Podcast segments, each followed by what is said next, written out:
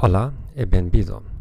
Este é o sexto episódio do podcast A Psicologia da Aprendizagem de Línguas Estrangeiras. Chamo-me Gerhard Ormand, sou psicólogo, autor de livros e professor de língua alemã. Não sou experto em galego, já o entendiches. Por favor, ten paciência comigo, pero prometo que melhoraré com cada novo episódio. Se descubriste este podcast só recentemente, Consulta por primeira vez os últimos episódios. A qualidade será muito melhor que nas primeiras.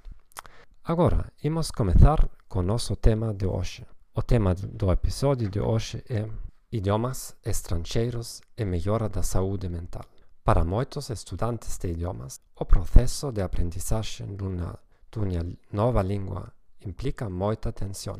Sentimos-nos incompetentes, estamos impacientes con nós mesmos. Já não estamos na nossa zona de conforto. Comparamos-nos com melhores alunos e sentimos enveja. Temos dúvidas sobre a nossa própria memória. Por outra banda, pode empregar línguas estrangeiras para obter um efeito terapêutico. Desenvolves uma sensação de autoeficácia.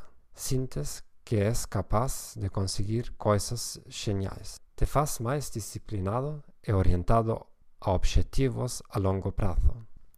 Te faz mais capaz de ser enfático com outras pessoas. Te vais fazer mais capaz de compreender os pontos de vista de outras pessoas. Podes escrever um diário pessoal onde expresses todas as tuas emoções e segredos na língua que estás aprendendo. Ninguém deveria ter acesso a ele, claro. Se queres, Podes queimar mais tarde as páginas.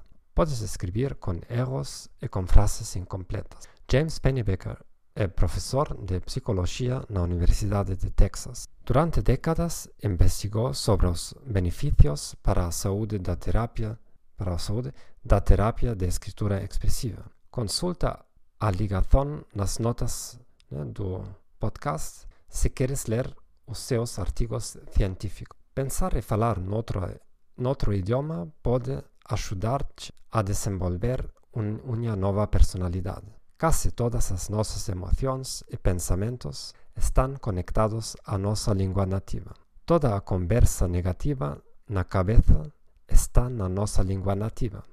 Quando nos disciplinamos para pensar noutra língua, temos a liberdade de pensar novos pensamentos. Todas as mensagens negativas dos nossos professores ou pais están na nossa língua nativa. Quando cambiamos a outra língua, esos pensamientos negativos terán un difícil momento para atravesarla. Las palabras en lengua extranjera no tienen ninguna conexión emocional con nuestra infancia y adolescencia, ya que luego podemos permitirnos expresarnos de otro jeito, con palabras que consideraríamos una cosa tonta en nuestra lengua nativa.